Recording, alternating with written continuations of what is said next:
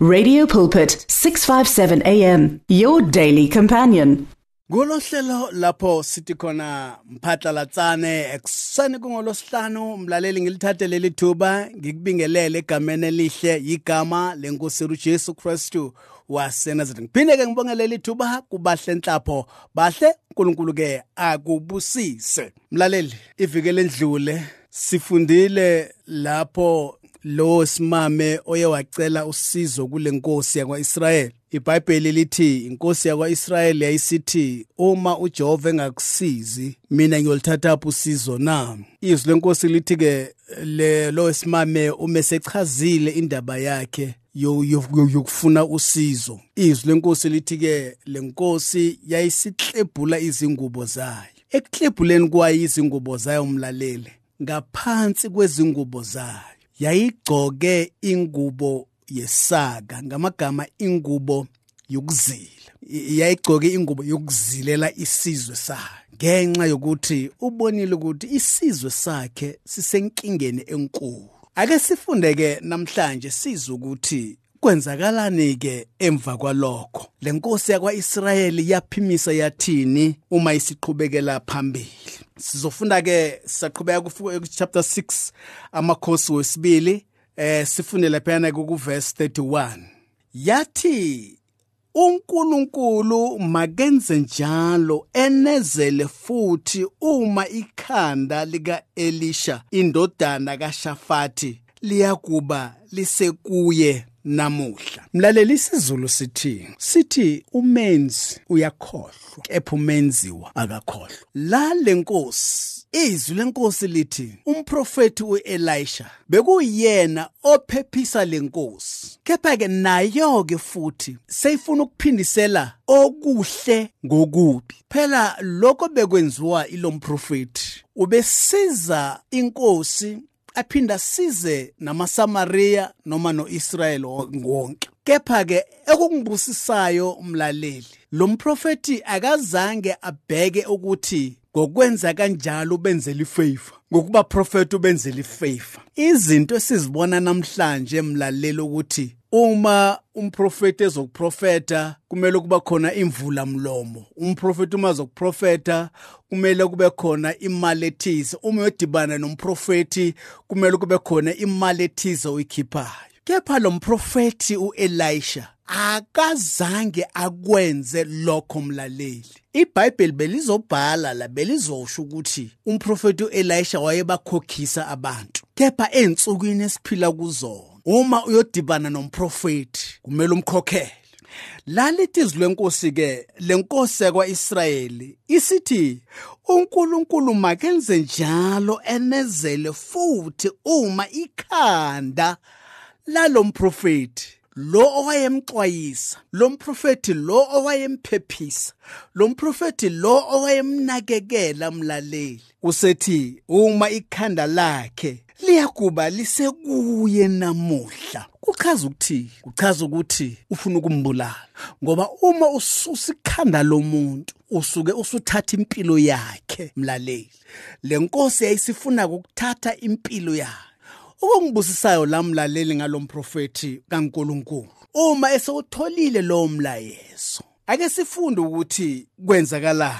Yayisithuma ke umuntu phambi kwayo uElisha esahlezi endlini yakhe namalunga ehlezi naye kepha singakafiki kuye isithunywa. Wathi emalungeni akhe ngamamagama lo mprofeti umprofeti uElisha wayazi futhi naloko okuzindlwa yilenkosi wayazi ngakho konke okubi lenkosi emzidlela kona.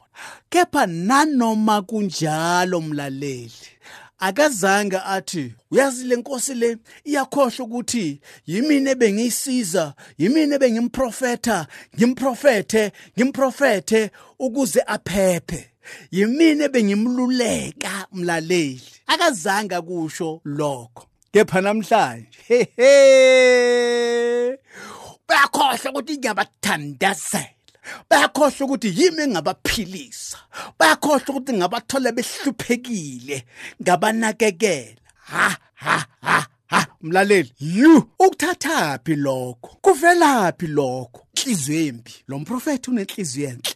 Akazange akusho lokho abalisela inkosi athi hey hambana nitshela ukuthi ngamprofeta hamba mtshela nitshela ukuthi ke angeke alunge lakimi hambana mtshela ukuthi ngizomqalekisa ngihamba nomtshela ukuthi mina ngumgcotsho kaNkuluNkulu ungathinti okungcotshwa kaNkuluNkulu. Akazange akusho lokho mlaleli. Kepha abaprofeti banamhlanje hey. Singazi ukuthi liphi iBhayibheli elifundwayo. Singazi ukuthi bafunda kubapha abaprofeti maybe bafunda kubo prophet bakaBhali kwazi bani? Ngoba asibazi abaprofeti babha ukuthi bebaphila kanjani. Kepha thina sazi abaprofeti bakaNkuluNkulu.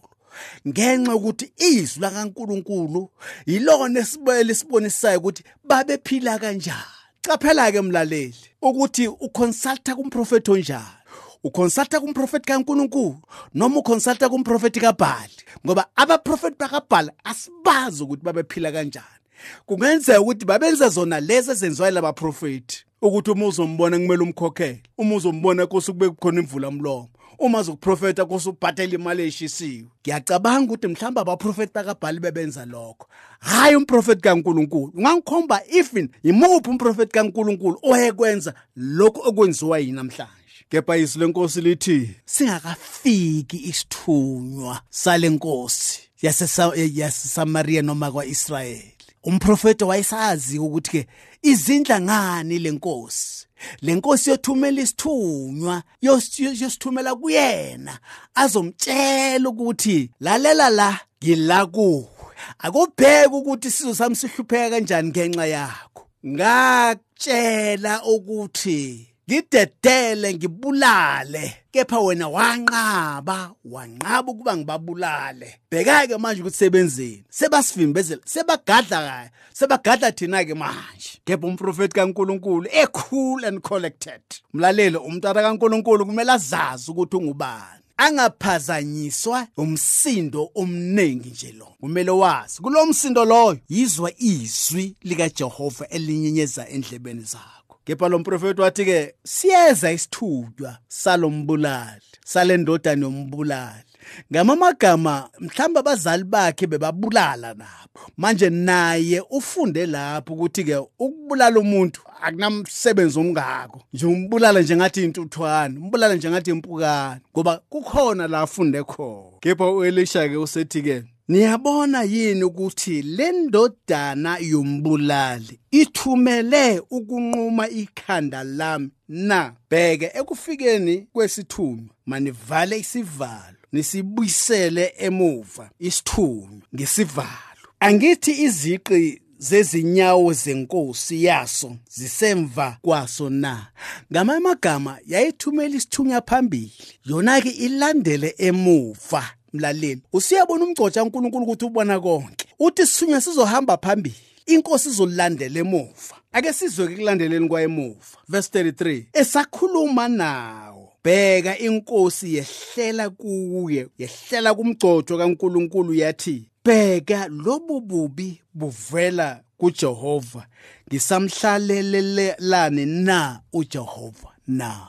Mlaleli indlela zikaNkulunkulu. Azifani nendlela zethu thina bantu ngenxa yesikhathi ake sithi ke ukuma la siqhubeke ke iviki elizayo bahle intambo kwezakho ekhaya mlaleli The words of the Lord are words of life. Your heart is on 657 AM. 657 AM. Radio for believers in action.